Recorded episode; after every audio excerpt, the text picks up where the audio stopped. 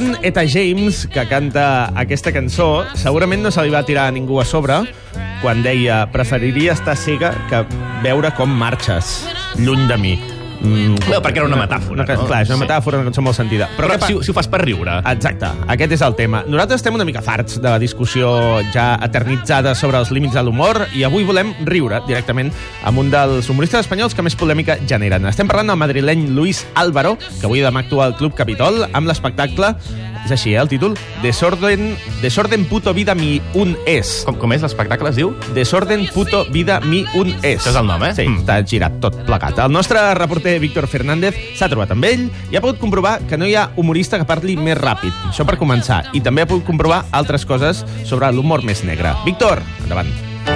Me crió soltera mi mamá, gracias a un negocio liberal.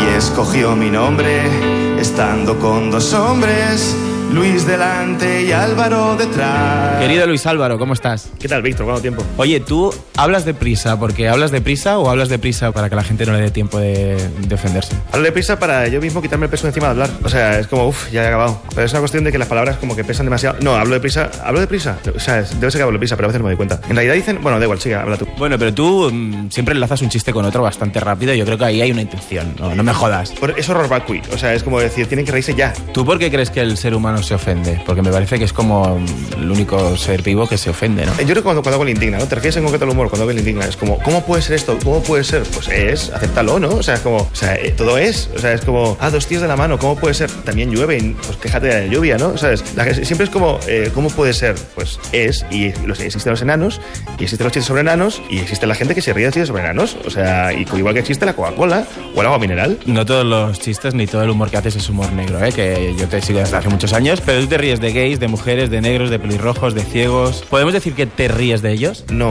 hago chistes sobre todo, pero no me río. Claro, es que si, si- imagínate, alguien que tiene tantos prejuicios que no tiene ninguno. Otra cosa es ignorarlos, ¿no? Igual cuando la gente habla de humor blanco se refiere a gente que ignora, o sea, que existen cosas aparte de una familia con los ojos azules en, un chalet y que se ríen de, ¿de qué se ríe esa gente? ¿Sabes? Esa gente se ríe y se, se me ha roto la, la verja del jardín, ¿sabes? No sé de qué se podía reír esa gente. O, eh, el humor político, para mí, el humor político me parece que es una, una puerta de atrás, es, es, es como, es, como, como una excavatoria, es como vamos a reírnos, vamos a hacer bullying a la gente poderosa, que el humor está, está, está para reírse a la gente poderosa, pero ya me parece que es cansino, es como, vale, sí, sí, que sí, otro chiste por el ah, coñazo, ¿sabes? Basta ya. Pero me has preguntado, ¿qué me has preguntado? Lo de, lo de la... Sí, sí, sobre todo esta gente, tú te ríes de ellos. O sea, ¿podemos decir que te ríes o no? Además, mira, primero, creo que el humor negro es una fase. En cualquier cómico es como cuando un niño puede decir puta y se lleva la mala boca. Y dicho puta, no sé qué. Entonces es como una vez que pasa ya la fase de hacer chistes sobre sida, cáncer, eh, yo qué sé, pues todo lo que te ocurra, enanos, mm, discapacitados, paralíticos. Una vez que pasas y ves que se puede hacer, ya te relajas y dices, bueno, ahora eso te lo hago cuando me haga falta, ¿no? Yo creo que lo peor que podría pasarle a un transexual sería reencarnarse en anchoa, atrapada en el cuerpo de una aceituna. O sea, en realidad yo creo que el ejercicio está en sacar formas nuevas de ver todo tipo de cosas, desde una báscula hasta un paralítico. Me he expresado fatal. Expresado estupendamente. Quiero decir que no hay que discriminar temas. O sea, hay que hacer humor de todo, pero más que nada porque es un ejercicio que vale cuando se, que se puede aplicar a todo. O sea, no sé. Tengo miedo de los pelirrojos, no me gustan, van así por ahí. Provocándome violentan, me deslumbran con su tez carmesí, mal pixelada. ¿Tú qué opinas del dicho este de mm, antes de reírse de los demás hay que reírse de uno mismo? Pues no, pero la gente lo agradece. Es como, mira, el negro cuenta chistes de negros. Ya, sí, pero, pero, pero, solo por eso te gusta, porque es negro. O sea, eso no es verdad. Eso yo creo que es un, que es, que es un prejuicio por, por parte de la gente. O sea, los andaluces, por ejemplo, eh, que chistes sobre. O sea, na- na- nadie puede hablar de andaluces más que los andaluces porque si no te miran mal. Que se jodan, ¿sabes? Eh, no estoy de acuerdo con eso. Era la respuesta que quería Luis Álvaro. Me hubieras decepcionado mucho si me hubieras dicho que, que no te puedes de reír de los otros si no te ríes de ti. Es que sí, ¿no? O sea, cada uno pues, solamente podía hacer chistes sobre su familia, ¿sabes? O sea. Yo siempre lo digo, ¿eh? que la enjundia ahí de tus chistes están las ideas, ¿no? Y las palabras que tú dominas ahí muy bien. Pero yo te quiero preguntar, por ejemplo, respecto a los chistes de, pongámosle, de, de gays. ¿Qué diferencia hay entre tus chistes de gays y los chistes de gays de Arevalo? Supongo que los chistes de gays de, gays de Arevalo están, están hechos desde, eh, desde el prejuicio y desde el miedo a lo, a, lo, a lo distinto, ¿no? En mi caso, están hechos, a a veces son chistes sobre el chiste eh, y a veces son chistes sobre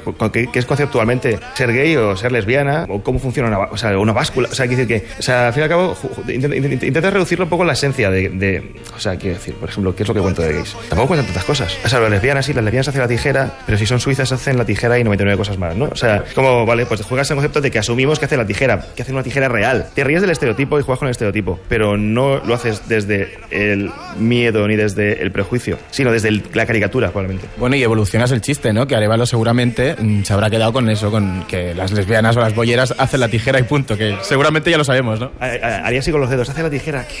Haría así con los dedos y en plan, eh, hace, eh, eh, eh, ¿y dónde duerme? En la caja de la costura, ¿sabes? Haría ese tipo de cosas que haría cualquier niño de 6 años. También es verdad que, ¿qué contaba Arevalo? Decía Arevalo, ¿os habéis dado cuenta de que Madrid está llena de maricones? No sé qué. Y estaba tan llena de, estaba de- de maricones que, que tenía que ir pegado a la pared, pero no te vas a creer que había un, un gay disfrazado de pared, ¿sabes? Como que lo cuento fatal porque no soy Arevalo, pero había un gay disfrazado pared. O sea, me pareció creativo que él pensara que la gente se disfrazaba para poder violar a este hombre, enano, ¿sabes? Que podía- ¿sabes? O sea, yo creo que ni- tú, tú pónselo a un toro delante a ver si le toca incluso, ¿sabes? Oye, a mí me da la impresión de que tú en algún momento, incluso a- aparte del aplauso y de la risa, o de esa risa incómoda o de esa risa a medias, buscas el abucheo, ¿puede ser? No, no, no, no, no, no. O sea, tú, tú, tú esperas, que, esperas que la gente se ría todo el rato. Pero tú buscas un, un abucheo a lo mejor con cariño, ¿no? A veces también te pueden abuchear ¿no? Y no me gusta que a lesbianas les llamen camioneras. ¿Por qué? Porque las lesbianas son todas mujeres, ¿a que sí?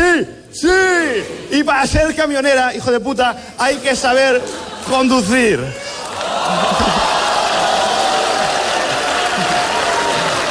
Oye, ¿los ciegos qué tal? Los ciegos me parece que son otra especie, otra especie de seres mágicos que no ven, pero que tienen el resto de sentidos muy desarrollados. Pues oye, vamos a hacer una llamadita, el comodín de la llamada, a Ricard Canals, no sé si lo conoce. Pues no, es un ciego ilustre. Es un cantautor. Es Stevie Wonder de la guitarra, de la guitarra clásica.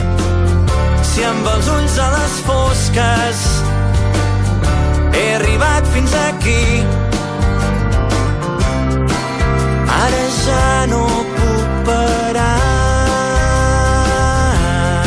Vamos a llamarle, vamos a poner manos libres. Hola, com està vostè? Hola Ricard, ¿cómo estás? De la vista he fet una merda, de la resta vaig fent, gràcies.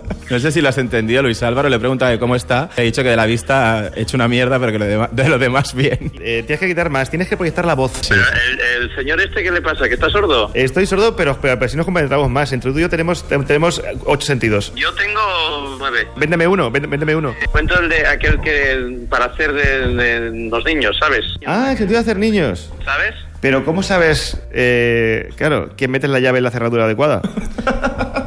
Es cuestión de tocar. Es cuestión de tocar. de coger el llavero y ver qué es lo que hay. Y si, y si la llave tiene alguna protuber- protuberancia que no debe tener, pues es cuestión de retirarse. a Es el tiempo. pomo. Entonces es el pomo. Y una retirada a tiempo es una victoria. Luis Álvaro, te iba a preguntar si habías hecho algún chiste de ciegos delante de un ciego, pero es que te has adelantado, tío. Pues es que eso saben todos ya. O sea, es- enseguida juegan con eso. Sí, sí. Dice que Stevie Wonder, Tete Montoliu y el Ray Charles vivían en una calle de estas de Barcelona, que se ve que se llamaba la calle Buenavista. Eh, No, no me digas. No me digas que se llamaba Buenavista y en el noveno vea, que sí. Trabajaban en tuberías. ¿no? No me digas. Pero Stevie Wonder yo creo que no, nunca pisó Barcelona, ¿eh? Bueno, sí, igual para un concierto. No lo engañaron. Él- le dijeron que estaba en, Barce- en Londres, estaba en Barcelona. Como no había, le da igual. Es verdad, para él, para el ciego todo es re- realidad virtual. ¿Sabes que, que Stevie Wonder es también ciego? No, esto, no es, esto no es cierto del todo, ¿eh? Pero Stevie Wonder también es ciego por fuera. Es como un calcetín, le das la vuelta, como es negro por fuera, negro por dentro.